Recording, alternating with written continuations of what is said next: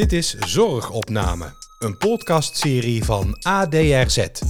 We maken ons allemaal wel eens zorgen.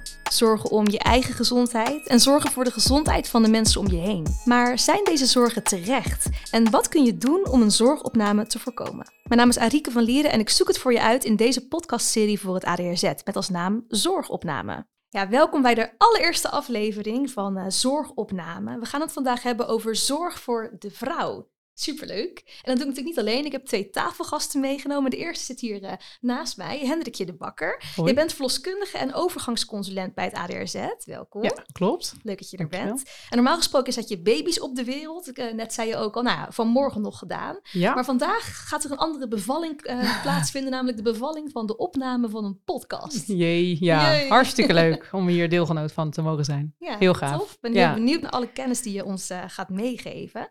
En ehm, aan de andere kant zit Joey de Vogel, gynaecoloog bij het ADRZ. Je hoort het goed, een man. We gaan het vandaag hebben over eh, zorg voor de vrouw. Maar een man zoals Joey die mag niet ontbreken, want hij weet veel meer over het vrouwenlichaam dan ik zelf. Eh, je hebt twee aandachtsgebieden, zag ik op de website staan, waar ik zelf nog nooit van had gehoord. Onder andere urogynecologie en perinatologie. Zeg ik het goed? Perinatologie. Perinatologie. Eigenlijk hetzelfde als Hendrikje, de zorg voor de zwangere en de barende. Ja. Betekent dat. Ja. Nou, als woord zou ik kunnen denken, het, is bijna, het zou een dinosaurus kunnen zijn. Als Ja. ingewikkelde Het bestaat ook al heel lang namelijk. Ja. Nee, het is inderdaad de zorg voor de zwangere en de urogynecologie is eigenlijk de bekkenbodemproblemen. Ja. Ja. Nou. En er is eigenlijk nog een derde bijgekomen samen met Hendrikje. Eh, want wij hebben samen, sa- met nog twee collega's hebben wij de eh, bekkenbodem, eh, of de eh, menopauze eh, poli opgezet. Ja. En ehm, ja, dat doen we er eigenlijk ook nog extra bij als extra zorg voor de vrouwen hier in Zeeland. En jullie kennen elkaar al? Nou, van het werk natuurlijk. Ik ben al eh 15 jaar eh, verloskundige. Ik heb mijn eigen praktijk. Ik ben niet verloskundige van het ziekenhuis of in dienst van het ziekenhuis, maar overgangsconsulent eh, in dienst van het ziekenhuis. En dus we kenden elkaar van de verloskamers en dergelijke. Of als er een probleem is tijdens de zwangerschap, dat ik dan of even expertise invraag bij mijn collega Joey. Of overdragen aan Joey om dan het stokje over te nemen. Om de, dat de zorg wat geïnten- geïntensiveerd moest worden. Eh, en eh, ik had een concept bedacht en ik dacht, ik ga eens even bij hem eh, aan de deur kloppen van, hey, staan jullie hiervoor open hè, voor die menopauzepolie? En Ja. zo eh, is dat balletje gaan rollen en zijn we in ehm, april, mei gestart met deze pilot. Want het is een pilot, een menopauzepolie. Ja. En we hopen dat die volgend jaar omgezet kan gaan worden naar een blijvend iets. En dat hopen de patiënten, de dames die ik tot nu toe allemaal op mijn spreekuur heb mogen ontvangen, op de poli heb mogen ontvangen, hopen dat van ganse harte. Dat Ja. zegt eigenlijk iedereen bij De. Menopauzepolie. Nou, we gaan het er straks nog verder over hebben. Maar eerst gaan we het hebben over endometriose, wat het is en eh, waarom hier nog een taboe op rust. En vervolgens gaan we het dus in deze podcast hebben over de menopauze. Wat kan een vrouw zelf doen om klachten te voorkomen? Ik zal mezelf ook nog even kort aan jullie voorstellen. Ik ben Arike. Het is de eerste aflevering bij deze podcast. En ik dacht, ik ga gelijk even iets opbiechten. Ik ben namelijk eh, bang voor bloed. Ja, het is niet zo handig als je een host bent van een, eh, een zorgpodcast. En eh, ik krijg ook nog wel eens de bibbers als ik dan zo door het ziekenhuis heen loop. Dat zal je misschien wel herkennen als je deze podcast luistert. Gewoon eh, ja, een hele mooie plek waar mooie dingen gebeuren. Maar ook, nou ja, waar mensen ook natuurlijk ja, geen prettige ervaringen hebben. En eh, het toeval wil dat ik ben getrouwd met een arts. En vanuit, ja, dus vanuit hem hoor ik vaak de dagdagelijkse dingen die, eh, die spelen in het ziekenhuis. En daar komt ook mijn fascinatie voor de zorg vandaan. Dus eh, we gaan het hebben over de zorg. We beginnen met endometriose dus. En ehm, allereerst vroeg ik me af, waarom is het nou zo belangrijk dat we beginnen met een aflevering over zorg voor de vrouw? En dan kijk ik even jou aan. Eh, nou ja, de, de vrouwen eh, zijn eigenlijk overgrote meerderheid van de, de hele populatie ter wereld. Eh, er bestaan nog steeds meer vrouwen als mannen, dus dat is heel belangrijk. Nou ja, en de vrouwen staan zowel aan de wieg van het leven, eh, namelijk de eh, zwangerschappen, bevallen, maar ook helemaal aan het einde, zoals bijvoorbeeld met menopauzeklachten en ook bekkenbodemklachten. Dus ehm, ze zijn eigenlijk in alle fases van het leven zijn ze eigenlijk vertegenwoordigd. Ja. Maar als de vrouw zo belangrijk is, hoe kan het dan eigenlijk dat er nog zo weinig aandacht en onvoldoende kennis is over de cyclus en ook hormoongerelateerde klachten?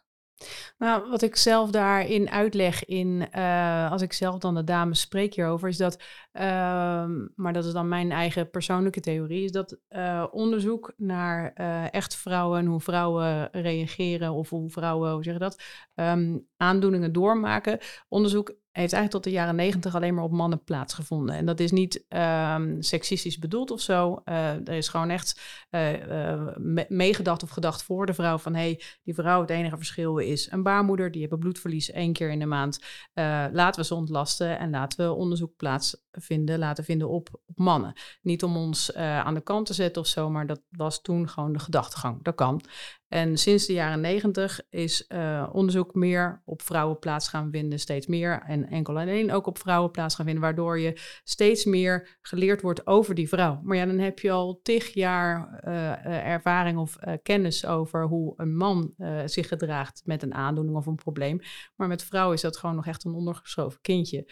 Dus we leren steeds meer. En dat is eigenlijk het gave ervan. Ik probeer het ook niet zo aan te vliegen van, hé, hey, waarom weten we nog zo weinig over die vrouw? Maar uh, meer positief te zien van we weten steeds meer over die vrouw. We zien dat er steeds meer uh, completere zorg komt en dat die vrouw steeds meer gezien wordt. En dat is iets ja, waar ik gewoon echt heel blij van word. Ja, mooie manier om naar te kijken. We zeggen wel trouwens steeds het woord vrouw, maar uh, endometriose en ook uh, de menopauze is natuurlijk ook relevant voor andere mensen met een baarmoeder. Denk aan, uh, nou ja, uh, trans en non-binaire mensen. Absoluut. Hebben jullie daar ook oog voor als professionals?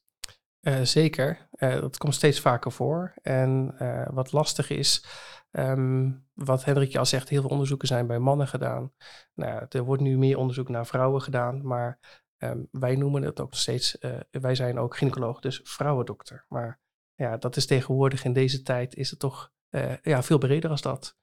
Wij zien het nog niet heel veel. er zijn gespecialiseerde klinieken in Nederland, waaronder Amsterdam. Um, die heel veel non-binaire uh, personen en uh, transvrouwen behandelt.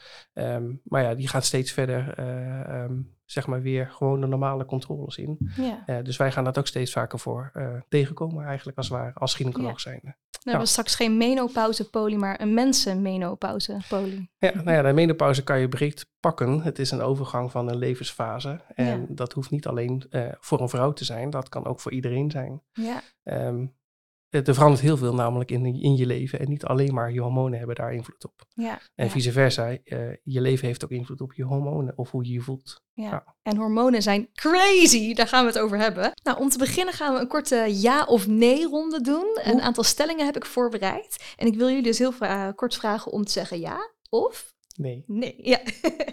zijn jullie er klaar voor? Laat me maar proberen. Ja. Alright. Ja. Ja. Oké. Als er een vulva-poli is, dan moet er ook een penispoli komen. Ja. ja.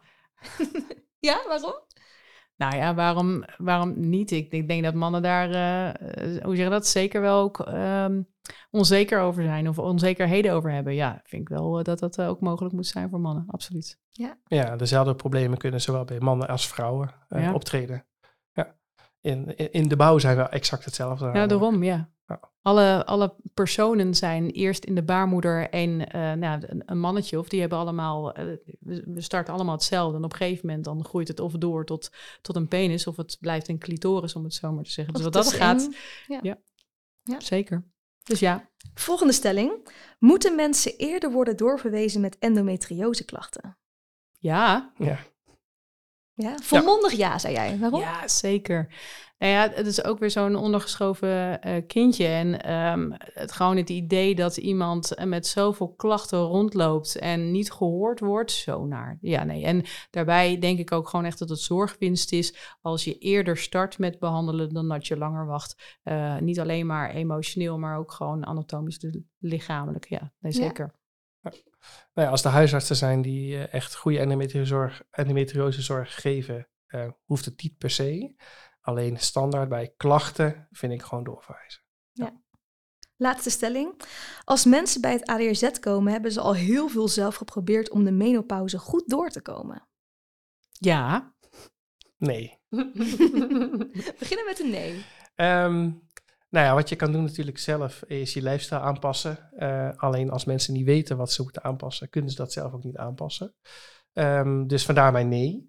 Eh, alleen ze zijn allemaal gemotiveerd om alles aan te passen. Dus zodra ze weten wat ze aan moeten passen, dan gaan ze het prima doen. Alright. En mijn ja. ja is, ehm, nou ja, ik ben natuurlijk nog maar kort begonnen. En degene die bij mij terechtkomen, ehm, zie ik wel dat al heel veel, echt nou, bijna alles al hebben geprobeerd. En gewoon echt niet meer weten van, hé, hey, wat moet ik doen? Dus de, dames die ik tot nu toe heb gezien, ja, die waren echt wel heel goed eh, al bezig.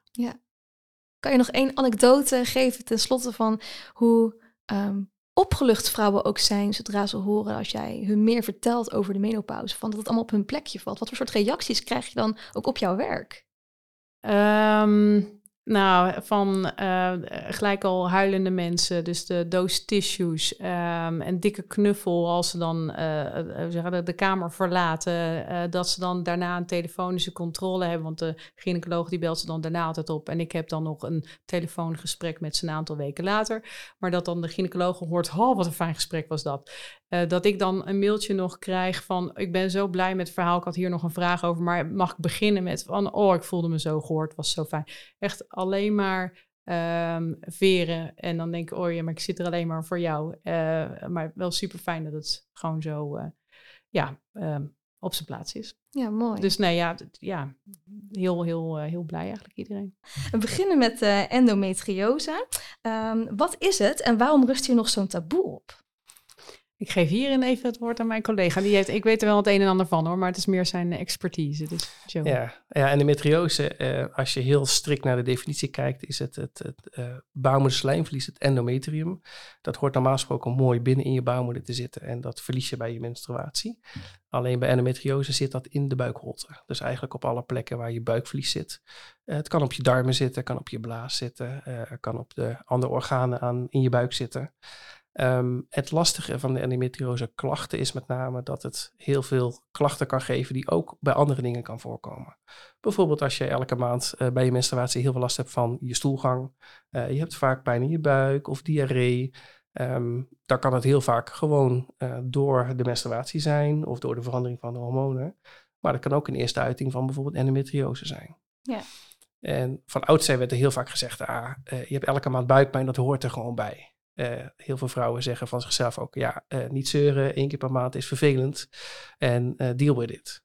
Alleen, gelukkig hebben we steeds meer ervaring dat heel veel mensen het niet meer normaal vinden als zij twee, drie dagen niks meer kunnen.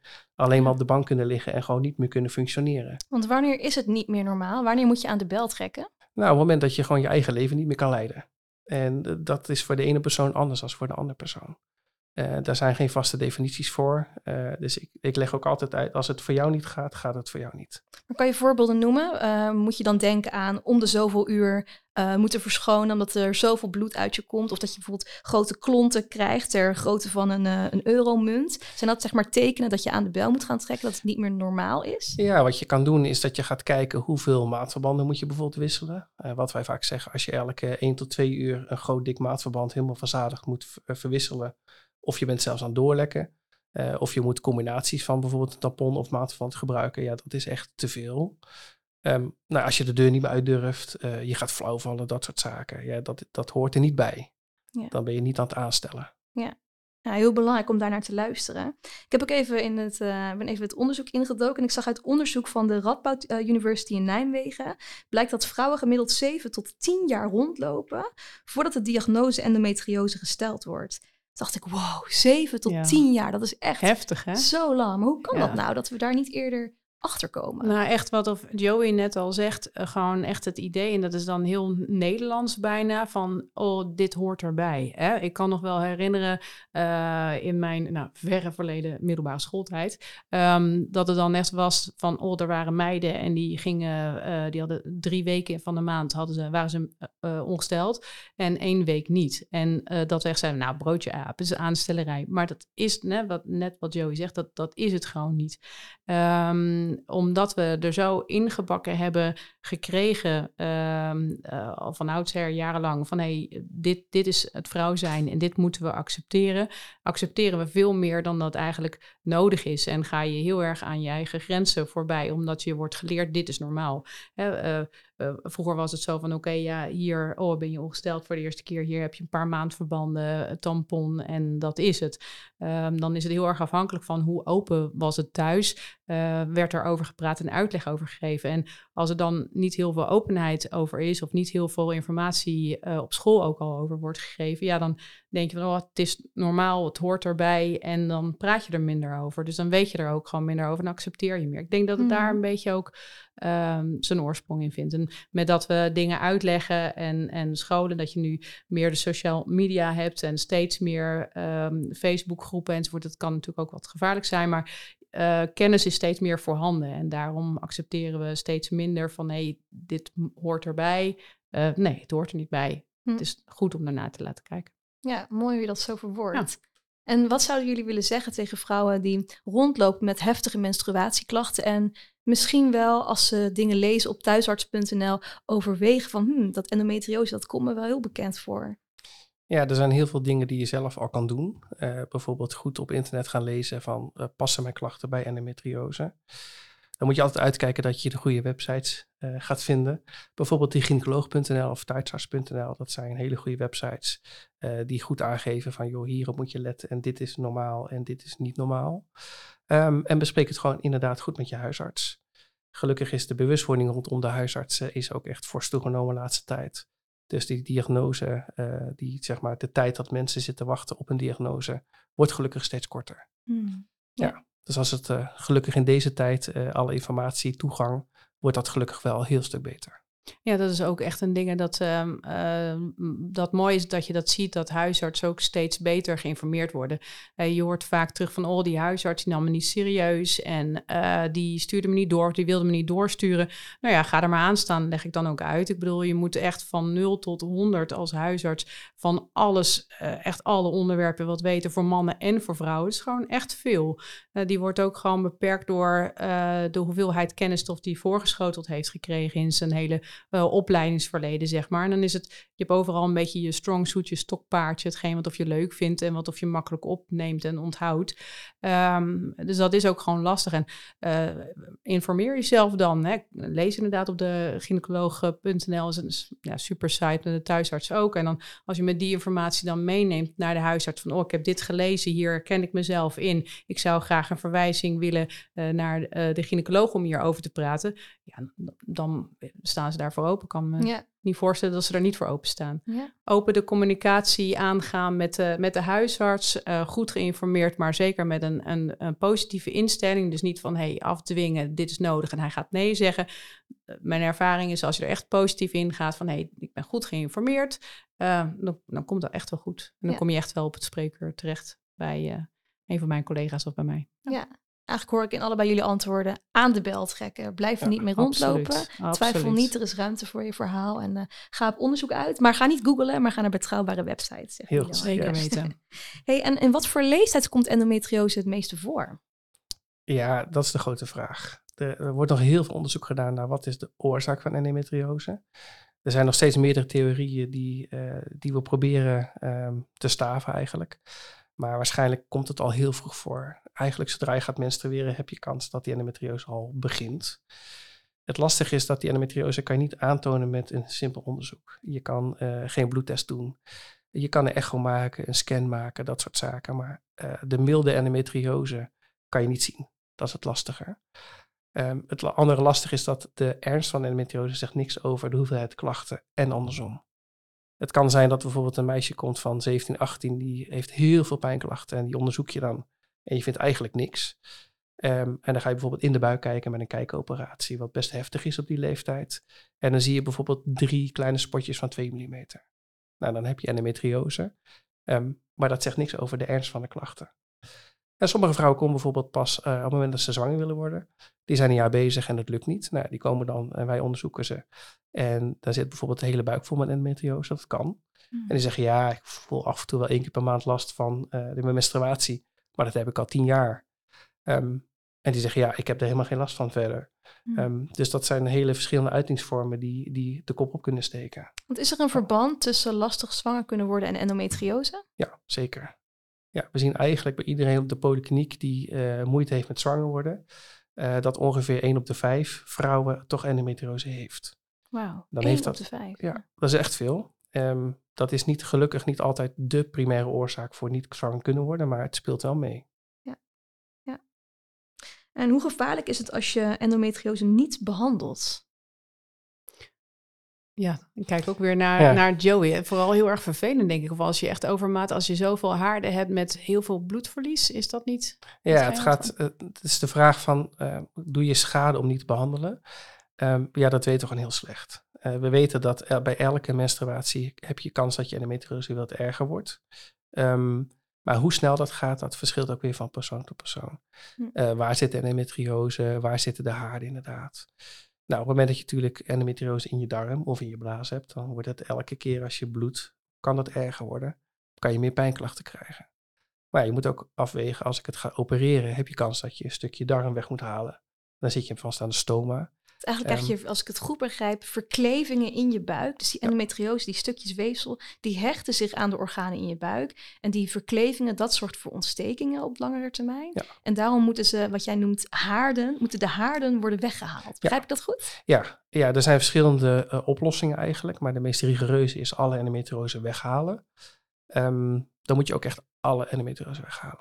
Ja, maar dan eh, heb je het ook gelijk over, zelfs overwegen om een hele baarmoeder weg te halen. Ja. En eierstokken, Ja. soms. En dat, Ja. eh, dat is dan ook weer gelijk dan de link naar het onderwerp waar we straks over gaan hebben. Als je dat dan wegneemt, dan kom je gelijk weer in een menopauze terecht. Dus dan kom je bijna van het ene probleem in het andere probleem terecht. En dat Ja. maakt het heel eh, lastig, dit onderwerp. Eh, ehm, zelfs eh, ook, want dat, dat vind ik dan ook zo lastig eh, voor een, een leek die, de, die er hier geen last van heeft, zeg maar te begrijpen. Eh, omdat je al die verschillende plekjes op allerlei plekken hebt. En ehm, eh, je benoemde dat wel wat, maar misschien niet helemaal duidelijk. Je kan ook zelfs tot op de longen kan je plekken hebben. Dus dan Oh. zit er een, een plekjes bijvoorbeeld, en dan heb je het natuurlijk wel echt heel erg heftig. Maar dan heb je eigenlijk baarmoederweefsel op, zelfs tot en met op je long ergens. Dus dan heb je één keer per maand heb je dan eh, die bloeding. Ehm, en dan waar je anders de baarmoederpijn laag in je onderbuik hebt, heb je het zelfs op je longen nog eh, eh, die pijn. Dus dan heb je heel dat stuk buik wat dan meedoet in het hele verhaal. Ja, Dat geeft gewoon ongelooflijk ik veel klachten. echt van. Ja, maar dat is toch dus wel bij een klein percentage mensen. Ja, volgens mij wel. Ik weet niet hoe, dat is Ja, heel, echt heel zeldzaam. Ja, toch? maar het ja, kan wel. Ja, maar, Ja. ja, maar i- inderdaad, weet je, het kan wel. En dan, eh, maar dat is juist het ongrijpbare. En dat is juist hetgeen wat zo lastig uit te leggen is aan iemand die het niet heeft. Ja, als je dit hebt, hoeveel pijnklacht dat geeft, dat je gewoon echt laveloos op de bank ligt. En ik zeg altijd maar zo, ook in, in de verloskunde, wat ik dan ook, dan ben die verloskundig tijdens die zwangerschappen. Je baarmoeder en hoe die zich gedraagt is geen, ehm, hoe zeg je dat? Eh, geen teken van wat of je karakter is. Dus jij zelf hebt wel bijvoorbeeld een enorm groot werkethos en wil graag werken. Maar één keer in de maand eh, gaat die baarmoeder gaat gewoon op straat. En die denkt van ik ga het gewoon echt niet meer doen. Ja, dan, Hmm. dan met alle beste wil van de wereld. En dat maakt het dan ook lastig voor buitenstaanders, eh, voor werkgevers en dergelijke. Om dat te begrijpen, omdat je het zelf niet hebt, gelukkig. Dus dat maakt het Ja, en dat betreft ook vaak de wat jongere eh, vrouwen, eh, die Ja. ook vol in het leven staan, carrière willen maken. Ja, En die krijgen dan te horen, ja, je bent één keer per maand ben je afwezig voor twee dagen. Ja, die promotie is niet voor jou, die is voor je collega die Ja. dat niet heeft. Hmm. Ja, dat, is- dus heeft veel meer invloed dan puur alleen medisch. En wat doen jullie om dit taboe ook te doorbreken? Nou, heel veel uitleg geven. Eh, scholingen geven aan huisartsen, maar ook uitleggen aan de patiënten. Maar ook vertellen van, joh, vertel het gewoon in je vriendenkring dat het gewoon normaal is.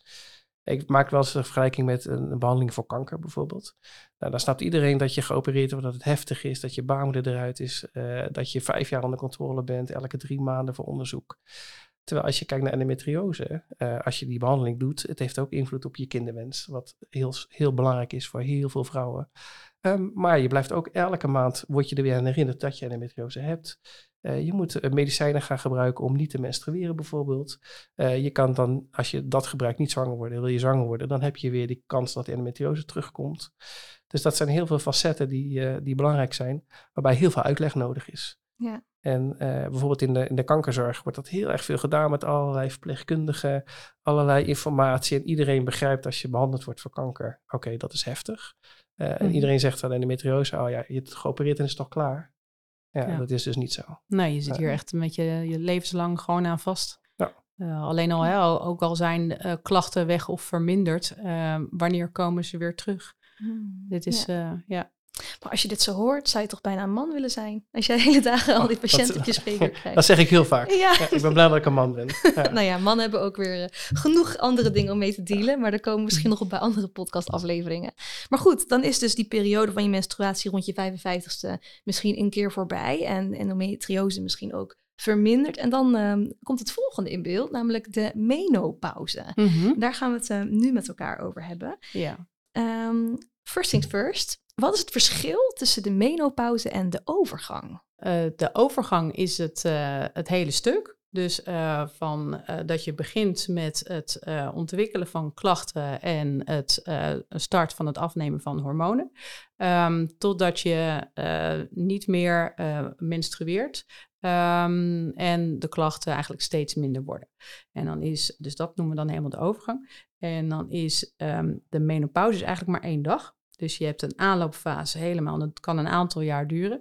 Eh, totdat je 365 dagen geen bloeding hebt gehad, dus geen menstruatie hebt gehad. En dus dag 366 is dan de menopauze. En dag 367 ben je postmenopausaal. Dus dan is het eigenlijk nou ja, niet voorbij, want dan kan je ook echt nog wel klachten hebben. Maar dan is die menopauze dag, die is dan over. Ja. Ja, en als het gaat om de menopauze, daar doen we daar eh, soms wel eens een beetje lacherig over. En ik moet ook Mhm. eerlijk bekennen, toen mijn moeder in de menopauze kwam, toen eh, heb ik ook al vaak grapjes gemaakt van, oh, eh, kom je hier met je opvliegers? Of, eh, Ja, zeker. ja, herkennen jullie dat? Ja, zeker. Ja, nee, absoluut. Ehm, van mijn eigen moeder, die, die had zelf het idee... ik heb niet zo heel erg veel klachten gehad... maar als ik nou terug ga kijken, denk ik... nou, ik denk het wel. Ja. Ehm, Maar doen we en- niet iets te laconiek over de menopauze? Ja, zeker. Ja, zeker. Je ziet van alle eh, vrouwen, zeg maar, ehm, in eh, die overgangsleeftijd, zie je dat eh 80% eh, klachten heeft, 20% gelukkig niet of, of nauwelijks, of die heeft daar gewoon echt geen last van.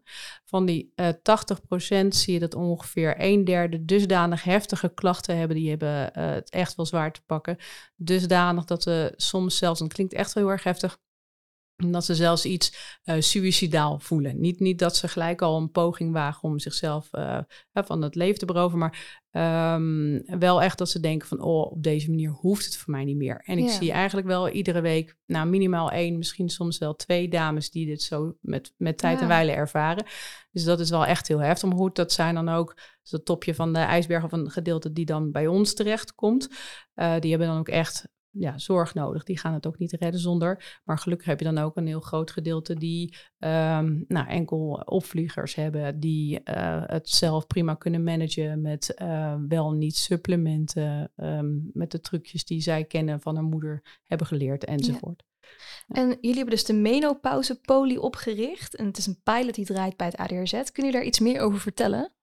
Nou ja, als met name hebben we de menopauzepolie opgericht. Omdat we eigenlijk ook meer eh, zorg willen voor de overgang en alle klachten.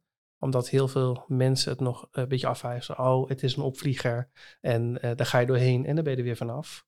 Ehm, maar als je inderdaad heel goed kijkt naar alle cijfers, wat Hendrik je net eh, vertelde, is dat inderdaad 80% van alle vrouwen ermee te maken gaan krijgen. Ehm, en dat je ook, als je puur kijkt naar wat voor impact heeft het op het leven, op eh, ziekteverzuim op de werk, slechte functioneren, relaties die op de klippen lopen daardoor, ehm, is dat eigenlijk een heel belangrijk deel van de kwaliteit van leven. Ehm, dus vandaar dat wij het ook belangrijk vonden om die zorg hier in Zeeland aan te gaan bieden. Ja. Want als je strikt kijkt van welke zorg werd er hier in Zeeland aangeboden, dat was echt heel weinig. Hmm, Wat Eigenlijk goed dat jullie het hebben opgericht. En Ik heb ook de vragenlijst erbij gepakt en ook even uitgeprint die jullie ook aan vrouwen geven als ze de menopauzepolie eh, bezoeken. En ik schrok daarvan, moet ik eerlijk zeggen. Ja, dat hoor ik Ja, eigenlijk gewoon je iedere leest, week. eh, ja, heel vaak eh, dat ik de dames... verschillende eh, onderwerpen. Dus ik ja. zal een paar voorlezen. Je leest bijvoorbeeld de psychosociale klachten, lichamelijke klachten, seksualiteit en libido en typische overgangsklachten. En veel daarvan die kende ik ook wel, zoals nou ja, slaapstoornissen, ehm, neerslachtig kunnen voelen, stemmingswisselingen. Inderdaad, wat, wat je ook wel kent van de opvliegers. Maar er stonden dingen bij en ik dacht, wauw, ik lees er een aantal voor. Bijvoorbeeld aanvallen van hartkloppingen, paniekaanvallen, somberheid. Nou, je zei het net al, echt extreme somberheid. Maar ook bijvoorbeeld eh, droge slijmvliezen, heel erg jeuk in je vagina. Nou, hoe kut is dat? Pijn bij het vrijen, nachtzweten. Ja, ik dacht echt, dit is lijst, het is echt eindeloos. Wat een impact Ja. heeft het op je leven. Ja. Je, zei het net al van oh, wat, wat heftig. Ik hoor het ook echt vaak. Dat dames dan bij me zitten en dan eh, dat ik zelf nog vragen heb over van hey, is het gelukt met het invullen hiervan? En wat of je dan vaak ook weer ziet, we hadden het net dan al even met eh, over eh, de endometriose en dat het dan zo lang duurt voordat dan iemand echt komt met klachten. Maar met dit net zo, dan ga je ernaar vragen en dan zeg van nee, is het gelukt met invullen? En eigenlijk zie je dat bijna al die vrouwen downgraden hun klachten. Dat ze dan zeggen van ja, maar dit hoort niet echt bij de menopauze. Of ik kan het uh, ook wel uh, koppelen aan andere dingen. En ik zeg nou ja, oké, dan gaan we nu opnieuw terug naar die vragenlijst. En um, dan ga je hem opnieuw invullen zonder dat je uh, bedenkt van hé, hey, dit kan ik ergens uit verklaren. Of dit komt voort uit overgangsklachten of enzovoort. Gewoon hoe is het strikt genomen over de hele linie? En dan zie je eigenlijk dat ze allemaal hoger scoren. En als je dan uh, erover gaat praten, dan zijn ze eerlijk dat er nog weer hogere punten eigenlijk uitkomen. Maar het is, ja. het is echt heel heftig. En waarom ze dan allemaal, of dat dan niet allemaal, maar um, een groot gedeelte um, geëmotioneerd zijn met dat ze dit hebben gelezen en invullen, is dat ze eigenlijk allemaal zoiets hebben van nee, uh, ik word serieus genomen. Ja. Uh, verrek, dit hoort er ook bij, heb ik altijd gedacht. En um, uh, nu uh, vul ik deze vragenlijsten in en het komt bij elkaar. En eindelijk is er oor voor hetgeen wat of ik doormaak. Ja. Um, maar voordat we dan weer met een wijze, vinger weer wijzen naar die huisarts, dan zeg ik ook van ja, dat komt ook voort uit het feit dat een huisarts wordt gedwongen tegenwoordig om, um, um, hoe zeg je dat, maar één klacht per bezoek te kunnen bespreken. En dan zeg ik ook weer, ga er maar aan staan. Als je um, uh, maar één klacht krijgt en je ziet hier al hoeveel klachten en dus maar een greep uit het grote geheel, uh, bij die menopauze horen, ga er maar aan staan om dan, als je eigenlijk niet echt um, goed geïnformeerd bent, het aan elkaar te koppelen en te koppelen aan de menopauze. Ja, het is al met elkaar verbonden. Mm. Maar komt het dan ook voor dat uh, een huisarts of een andere arts de verkeerde diagnose stelt? Dat gebeurt wel eens, zeker. Ja, het lastige van die menopauze, er is, uh, je kan hormonen checken, maar dat zegt echt 0,0 over je klachten. Uh, wat je eigenlijk moet doen, is je moet goed inzicht hebben van wat kunnen die klachten zijn. En inderdaad met mensen in gesprek gaan. Ja. En dit zijn geen gesprekken van 10, 15 minuten. Dat, mm. dat ga je echt niet redden. Um, wij deden dat als gynaecologen voordat Hendrikje er was ook wel. Uh, alleen nooit zo uitgebreid als Hendrikje. Ja. En uh, um, dan moet je inderdaad uh, gaan kijken van welke klachten ga ik wel behandelen en welke niet. En heel veel klachten kunnen ook andere dingen geven. Bijvoorbeeld depressieve klachten, depressiviteit. En dan werd daarop gefocust en dan wordt dat behandeld, wat ook goed is. Alleen als je strikt kijkt wat dan de onderliggende oorzaak is, kan het heel goed een menopauze zijn. Ja. En dan kan je beter de menopauze behandelen. Uh, en dan zijn die klachten van depressieve gevoelens of relatieproblemen zijn soms ook uh, verdwenen. Hmm. Mm. Um, dus vandaar dat, uh, dat Hendrikje altijd heel veel tijd voor de mensen heeft. En ook die vragenlijst helemaal van voor tot achter doorneemt. Um, om inderdaad echt goed erachter te komen van ja, wat is, wat is, wat is het probleem? Ja. Ja. En als je menopauze in balans is, wat zijn dan um, symptomen die niet per se klachten opleveren, maar wat, wat, hoe een gezonde menopauze eruit zou kunnen zien. We hebben het nu vooral over als het in disbalans is, als een menopauze, eigenlijk als, het, um, ja, als je er echt onwijs veel uh, klachten van hebt. Maar wat, zijn, uh, wat is normaal en wanneer is het niet meer normaal en moet je aan de bel trekken? Ik denk dat hiervoor ook weer geldt um, dat het niet normaal is als je erdoor gehinderd voelt. En um, ja, wanneer is het normaal? Maar uh, dat, dat weten we eigenlijk totaal nee. niet. Nee, kijk, we weten dat het, het is normaal dat je die, die overgangsfase ingaat. En het zijn inderdaad die hormonen, hè, tekort aan je hormonen. Maar het is ook, uh, je kinderen gaan vaak het huis uit rond die leeftijd. Uh, je gaat wat andere werkzaamheden doen. Je wordt zelf ook wat ouder. je gaat ook andere dingen merken aan je lichaam. Uh, dus enige hinder gaat iedereen ervaren. Dat is ja. normaal. Maar je, je, hebt je normale hoeveelheid ballen, zeg maar, inderdaad, die je hoog moet houden. En waar het probleem dan vaak gewoon zit, is dat de marge, de rek is eruit. En um, vaak is het zo dat dan die overgang komt op een moment dat je eigen kinderen in de puberteit zijn, wel nog niet het huis uit zijn, dat zorg voor ouders of uh, um, schoonouders zeg maar om de hoek komt zetten, waardoor je eigenlijk je leven aan de ene kant intensiveert. Uh, je wil misschien juist carrière maken en dergelijke, maar je merkt aan de andere kant dat je brein niet meegaat in de snelheid van je leven waarop je dan in zit. En dan hadden we het al heel even over van, nou ja, hoe zit het dan met die vrouw? Ik leg ook wel eens uit van, ehm, heel cru gezegd, plat gezegd, 60 jaar geleden gingen we dood nadat dat we de overgang door hadden gemaakt. En uh, hadden we ook niet heel erg veel meer functie. Tegenwoordig zie je dat kinderen zijn het huis uit of die zijn groter. We gaan werken als vrouwen. Vrouwen zitten over het algemeen in een dienstbaar beroep. Is de hoeksteen van de maatschappij. Uh, je ziet dat vrouwen tussen de 45 en de 60 jaar oud in uh, werkend Nederland, uh, die vallen door overgangsklachten, onbegrepen overgangsklachten enzovoort, vallen ze uit, zijn arbeidsongeschikt voor een paar dagen, enkele dagen of langere duur van tijd, kost de maatschappij 570 miljoen euro op jaarbasis. Dat is gewoon echt heel erg veel. Um, maar goed, daarbij even terugkomend op, op dat stuk wat je dan zei.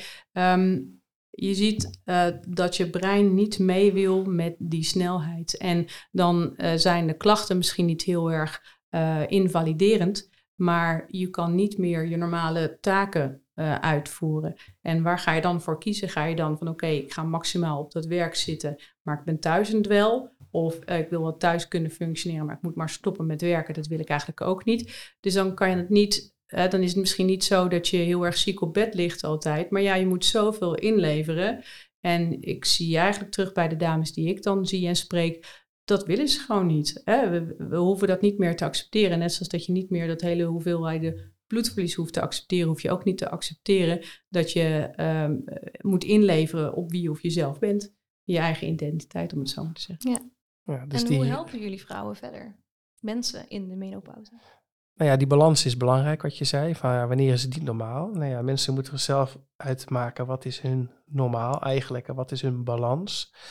En wat wij eigenlijk doen is heel veel uitleg geven, bewustwording creëren. Dat ze snappen, oké, dit, uh, um, dit is niet normaal en dit is wel normaal. Um, ja, en we bespreken inderdaad wat alle opties zijn. Uh, dus uh, um, wat je kan doen is extra hormoon geven. Er is uh, gelukkig recent heel veel onderzoek gedaan, ook oud onderzoek uit uh, uh, de jaren 80, 90, is opnieuw bekeken. want wij zijn vroeger als arts opgeleid, hormonen zijn slecht. van hormonen krijg je borstkanker, van hormonen krijg je trombose, je krijgt hoge bloeddruk. Nou, dat is eigenlijk niet zo. Als je heel kritisch naar die onderzoeken kijkt, dat hebben we gelukkig gedaan, zie je eigenlijk dat als je het aan de goede periode geeft, voor een korte tijd, dat het echt geen kwaad kan. Sterker nog, het heeft zelfs een positief effect. Um, en dat leggen we ook uit. Uh, er is recent ook een nieuwe huisartsrichtlijn opge, uh, opgeschreven. Uh, er is ook heel veel uitleg gegeven en er komt ook veel meer bewustwording dat op korte termijn het echt juist voordelen biedt. Oh. Ja. Mooi, interessant dat er zoveel kennis bij jullie zit ook over dit onderwerp. Ja. Tot slot nog een vraag, want dan moeten we hem afronden, want we kunnen nog uren hierover gaan praten. Ja, ik wilde een hele korte ik geef nog even een vraag. Ja, naar je vraag, een hele korte ja. aansluiting. Nou, wat we doen is, het, we maken het op maat. Het gaat inderdaad over hormonen. We benoemen de opties van wat is er mogelijk. En dat is inderdaad met hormonen, maar ook zonder hormonen. Daar ben ik dan ook gewoon echt voor op die stoel neergezet. Dat ik ook gewoon bedenk vanuit supplementen uh, uh, aangevuld. Uh, dat ik kijk naar klachten en wat is op maat voor die persoon. En dat denk ik dat wel de kracht is van het format zoals wij hem hebben neergelegd. Er wordt gekeken naar van wat gaat werken voor jou, behalve hormonen, welke opties hebben we verder nog. En dat, daar, eh, dat er gewoon iemand is, een soort gids die je even uh, door de bomen, zeg maar, uh, het bos laat zien. Dat idee een beetje.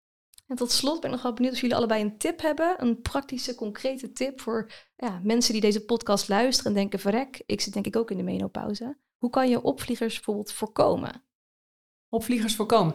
Ja. Um, het, is niet zozeer te voorkomen. De beste tip die ik je kan geven is, um, oh, bijna net zoals een verloskundige, uh, blijven ademen. Um, maar echt, uh, zoek het in mindfulness. Maar ik denk dat uh, eigenlijk gewoon dezelfde tip als die we gaven aan het begin. Kijk op de website degynecoloog.nl, kijk op thuisarts.nl. Informeer je met de juiste platformen. Er staat gewoon echt heel veel goede kennis op. Ga met die kennis naar je huisarts. En dan kom je of bij een overgangsconsulent gewoon zo in de eigen praktijk, of kom inderdaad bij ons in het ADRZ, bij mij gezellig kletsen. En dan kijken we naar opties. Ja. Nou ja, je kan zelf als, als uh, patiënt of als vrouw ook heel veel dingen veranderen aan je uh, leven, eigenlijk leefstijl. Nou, onder andere simpel is, uh, ga meer sporten. uitlaatklep voor je energie, maar ook let op wat je eet. Dat klinkt heel gek. Maar eet je heel pittig, dan heb je veel sneller een opvlieger als dat je niet pittig eet. Eh, drink je alcohol, heb je ook makkelijker een opvlieger. Eh, dus dat soort tips kan je allemaal al zelf veranderen eigenlijk, zonder dat je er ons voor nodig hebt. En, oh, dan heb ik dus inderdaad wel een super tip. Wat helemaal in is, zeker de, van de winter ehm, of winters, is uh, gemberthee. Geheid opvliegers. Oh? Ja, dat is een warm kruid. Dus dan zie je dat je dat, uh, ja, drink je dat, dan is het uh, opvliegers. Dus door het eten, gemberthee, liever niet. Ik zou denken ontstekingsremmend. Maar goed. Nee, daar, daar pakken we kurkuma voor. Oh, ja, ja, ja. hey, we gaan uh, dit onderwerp afronden, maar we hebben nog een aantal luisteraarsvragen. Want hoewel dat nog maar de eerste aflevering is en we nog niet live zijn, hebben we wel een aantal vragen binnengekregen van luisteraars. En de eerste vraag gaat over anticonceptie en deze persoon die wil graag uh, anoniem blijven. En ze vraagt, uh, er is een antipilbeweging gaande op onder andere TikTok, maar hoe betrouwbaar is de trend van natuurlijke anticonceptie, zoals tem temperatuur meten en apps? En wat zijn hiervan de risico's? Ja, um, ik weet niet of, of uh, mijn collega en ik dezelfde mening delen, maar dat komt omdat ik uh, zelf als verloskundige zijnde zeg maar um, um, een groep bedien waarin een hormoonvrije anticonceptie en inderdaad de, de temperatuurmethode gewoon echt heel erg wordt aangehouden. ik zie dat als je het echt heel strikt doet, Um, en ook kiest voor een digitalisering, want je hebt een, een digitale optie hier ook in, uh, zonder merknamen te noemen. Um, maar als je dat echt heel strikt doet en heel goed uh, blijft volgen, um, dan kan het zeker werken. En dan zie je, dat is ook bij wetenschappelijke literatuur bewezen, dat het even betrouwbaar kan zijn als een orale anticonceptie. Maar dan moet je er echt heel die hard uh, voor gaan. Ja, oeh, dan ben ik natuurlijk ja. heel benieuwd hoe jij er naar kijkt, Joey. Uh, exact hetzelfde. Uh -huh. Ja, nee, we hebben recent hebben wij een van onze co-stenten, dus een dokter in opleiding, uh, die heeft ook een, een uh, lezing gehouden over inderdaad de natuurlijke anticonceptie. En inderdaad, wat Hendrikje zegt, zodra je dat echt heel strikt toepast, werkt het gewoon goed. Ja, maar strikt en mijn leeftijd, poh, ja. dat is toch een uitdaging. Juist. Ja, dat en, is echt ik kan ook wel zeggen, een aantal mensen in mijn omgeving die hebben het wel gedaan met natuurlijke anticonceptie, maar eh, zwanger. Ja. Dan mag je een Hendrikje. Ja, dan mag je een Hendrikje. Hey, een volgende vraag die kwam binnen van Renate. Zij overweegt om zich om te laten scholen tot verpleegkundige. Dat is hard nodig met het tekort in de zorg mm. natuurlijk. En ze vraagt, wat geeft nou het meeste voldoening in jouw werk als verpleegkundige? Nou, daar kun jij vast antwoord op geven. Nou, als uh, verpleegkundige kan ik dan niet zo heel erg veel erover zeggen, omdat ik net iets anders, maar uh, voldoening in mijn vak... Um, dat ik vrouwen het gevoel kan geven dat ze gezien worden. En dat ik um, luister naar het verhaal, dat ik het serieus neem. En uh, dat ik, um, alvast heb ik niet alle antwoorden, maar dat ik wel mijn stinkende best doe om hetzelfde of het beste van mezelf te geven aan die dames. Dat, dat maakt het uh, ja, een, gouden randje geven. Als ik het uitspecificeer in de verloskunde, zoals vanmorgen, ja, als je dan de geboorte ziet van een kleintje en um, het geluk tussen ouders, dan word ik plaatsvervangend verliefd. En dan, uh, nou ja, ik loop heel de dag al op een roze wolk.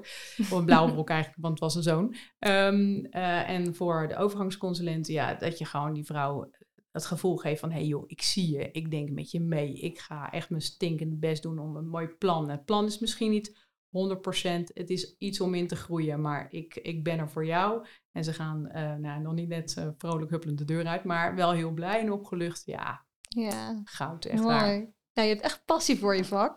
Dat is gelijk ook een heel mooi brugje naar onze volgende aflevering. Die gaat over zorg voor de zorgprofessional. Want je kunt nog zo gepassioneerd zijn over je vak, maar dat kan ook je allergrootste valkuil zijn. Dat je doorschiet in je passie voor het vak en dat je daardoor ook niet meer goed voor jezelf gaat zorgen. En volgende keer uh, zijn te gast in deze studio Melissa Hartog en Annemiek Linke, die uh, zelf als zorgprofessional werken in het ADRZ. Voor nu wil ik jullie dan heel erg bedanken voor jullie komst en jullie enthousiasme en ook heel veel succes wensen met de menopauzepolie. Yes. Heel Hartstikke bedankt. Komt Dankjewel. zeker goed, absoluut. Ja, jij succes met de podcast. Ja, we ook naar de volgende ook. Ja. Wordt heel gaaf, denk ik. Tot zover deze aflevering van Zorgopname. Laat een reactie achter of stel jouw vragen via jouw favoriete podcast-app. Kijk voor meer informatie op adrz.nl. Deze podcastserie is mede mogelijk gemaakt door Klemtoon Media. Jouw partner in podcasten.